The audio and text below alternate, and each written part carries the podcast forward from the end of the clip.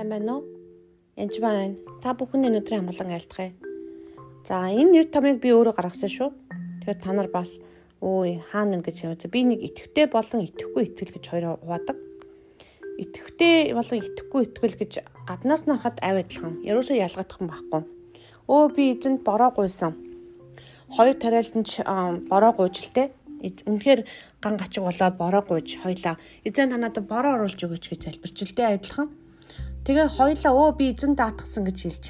Тэгтэл нэг нь бороо эзэн бороо өхөн ойлгомжтой гэж итгээд одоохондоо ган гачигтай ч юм хэцүү байсан ч хамаагүй газраа хараалаад хаглаад тэгээд үрээ тарилж нөгөөх нь өө бороо орохгүй ч яж магадгүй би үрээ алдчихж магадгүй гэж бодоод ч юм уу эсвэл ерөөсөө эсвэл залтхуудаа ч юм уу юу гэдгийг мэдгүй ямар ч үр тариалаагүй Ингээд яг бороо ороход хин ургацаа авах вэ?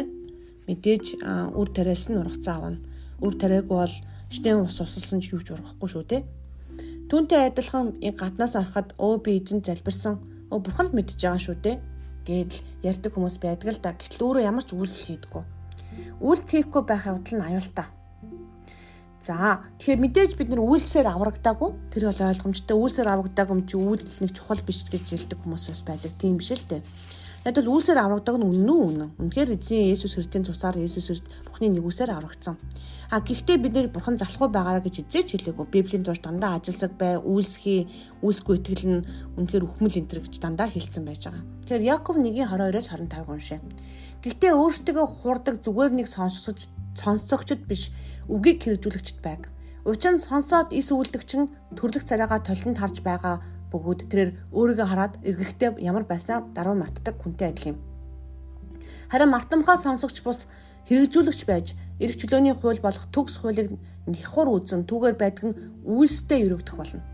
Тэгэхээр энэ зүгээр яж байгаад өрөвдөн гэж хэлэг байгаас үйлстэй өрөвдөх болно. Библиэлд хэлж байгаа шүү. Тэгэд би танд нэг жишээ хэл. Гитлэл 14-ийн 15-аас 16 За энэ та хэрвээ энэ гитлэл номыг уншиж үзээг бол уншаараа. Уншиж мэддэг бол Мосе байжгаад л үнэхээр ард түмнийг гаргахын тулд байн байн олон удаа парандор очдог байгаа Египтийн. Тэгээд манай ард түмнийг суллаач гэдэл тэгээд өөдгөн зүрхэн хатуураад тэгээд бурхан гайхамшиг үлдээд гэхдээ үлдэхдээ ямар гайхамшиг үлдэх дандаа Мосетэй хамт үлддэг байгаа. Тэгээ энэ ишлэг би онцгойлон авч үлдсэн юм. Гитлэл 14-ийн 15-аас 16. Эзэн Мосед чи юунд над руу хашгирна вэ? Урагшаа ёо гэж Израилийн хүүдэд хэл. Чи тайгаа өргөж гараа далаа дээгүүрээ далаа дээгүүр сунган түүнийг хуваа. Израилийн хүүхдүүдийн далаа дундор хуурай газараар нэвтэрнэ гэж хэлж. Тэр эзэн амлаад амлсан ч бурхан хэлж энэ хэрэг үнэхээр бурхан юу ч хинт ч хийхгүй бидний гэрийн даалгав гэж байдгүй болсон бол өөрөө далаагаа хуваагаад мосыг хэрэг байхгүй үсттэй. Гэл бурхан биднэртэй хамт үлддэг ба. Хийхдээ чи таягаа өргөж гараа далаа дээгүүр сунгад түүнийг хуваа гэж байгаа зү. Гэтэ бурхан үнийг үйлцэн үйлцэн. Гэтэ итгэлээд энэ хүн тэрийг хийж байгаа. Дээрэс нь юу гэж чи юунд над руу хашгирна вэ? Урагшаа яв гэж байгаа байхгүй. гэж Израилийн хүүдэд хэл. Нэгсэндээ бид нар бурхнаас хашгираад байгаа мөртлөө үйллээ ихгүй итгээд урагшаа алхдаггүй байгаа. Тэг итгээд урагшаа алхах явдал үнэхэр чухал. Тэр үед далаа тэнгис яадаг лээ? Онгоодог байж байгаа. Израиль 14 уншээ. Босогтон учир нь энэ таны үүрэг агаад бид тантай хамт байна. Түүштай байхтун үйлдэгтэн гэж. Тэгэхээр бид нар юу хэлж байгаа юм бэ гэхээр а жишээлбэл би одоо Америкт намайг докторантур сургаж өгөөч, Америк сургууль сургаж өгөөч гэж залбирч байсан л та.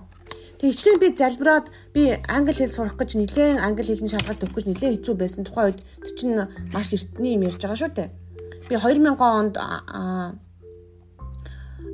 Тэд би TOEFL-ын шалгалт баг 3 4 удаа өгсөн. JARA-гийн шалгалт, JARA-гийн шалгалт мэддэг бол JARA-гийн шалгалт өгсөн байсан. JARA-гийн шалгалт өгчээсэн би бас. Яг бол тэтгэлэгтэй сурахын тулд заавалчгүй JARA-гийн шалгалт өгчээсэн. TOEFL дээр ч гэсэн тэгэл тэр үед би жирэмсэн байсан. Нөхөр маань Америк явах гээд хамаг мөнгөө шавхаад явуулсан. За тэгээд хоол унд бас багтаа байсан. Тэгээд аав ээжтэй хэлэхгүй бүх амралтынхаа мөнгөөр Америк явуулах гэж зардал гаргачихсан байсан. Тэгээд би 97 8 98 99 оны юм ярьж гин гэсэн үг шүү дээ. Тэгээ 2000 онд нэлийн хэцүү байсан. Тэгэл 2002 он хүртэл ер нь л тийм амархан байгаагүй дээ. Тэр үед үнэхээр одоо тийм жирэмсэн хордлоготой тэгээд өглөөнөөс орой хүртэл номын санд англи хэл сураад тэгээд дээрээс нас мөнгөгүй идэх юм байхгүй би жирэмсэн байхдаа 4 5 хэл турсан турж исэн. Тэр үед өөрөө туранхаа дахиад турсан гэж бодохоор чинь нэлээд юм болсон байна л да. Гэхдээ өөрөө ингэж бэлдэхгүй байсан бол хичнээн бурхан амлаад бурхан залбирчаад би орчих юм бол би өөрөө хилээ сурахгүй бол тэр чинь болохгүй. Зөвхөн хилээ сураа зогсохгүй би сургуулиуд аплай хэрэгтэй. Сургуульд аплай хийхэд бол бас мөнгө хэрэгтэй. Тэгээ мөнгөө хуримлуулах хэрэгтэй гэж зөндөө олон ажлуудыг хийсэн ба. Тэгэхээр дараа нь ч гэсэн сүүлд одоо гэдгийг тэтгэлэгтэй сургуульд явхад амархан биш. Тэгэхээр зүгээр нэг бурхан залбирсан гээд өөрөө тэрийг үүлдээ хийхгүй ардаас нь тэр нөгөө тариалмч шиг газраа хаагалж үрээ суулгахгүй бол ургацаа өрөөсөө авахгүй гэсэн үг. Тэгэхээр газраа хагалахтаа ч гэсэн бас зүр хаашааг үрдцад тавьждгоо нэгт нямбаа харгалаад дээр нь үрээд тодорхой хэмжээтэй бүр алхаж алхаж суулгадаг байгаа. Тэн чи технологи байдаг.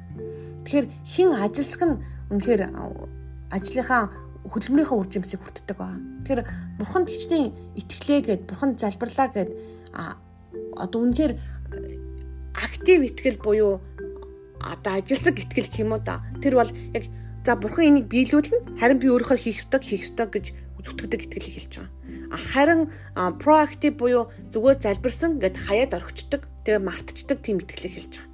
Тэгээ тэрний төлөө шаргуу тэмцэж, шаргуу зогсож, үгэн дээр сууж, а дээрэс нь бас өөрөө хичээж ажиллах ёстой гэсэн. Тэгэхээр та бүхэн бас үнэхээр үгийг хэрэгжүүлэгч байна гэдэг бол бас тийм амархан зүйл биш.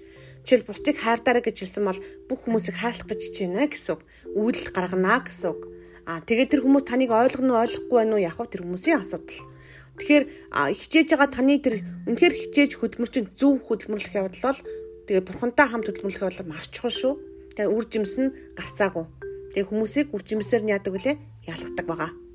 Үр жимс дүүрэн байгаараа тэгээд итгэл нь сул итгэлтэй биш ажилсаг итгэлтэй байгаараа гэж хэлмээрээ.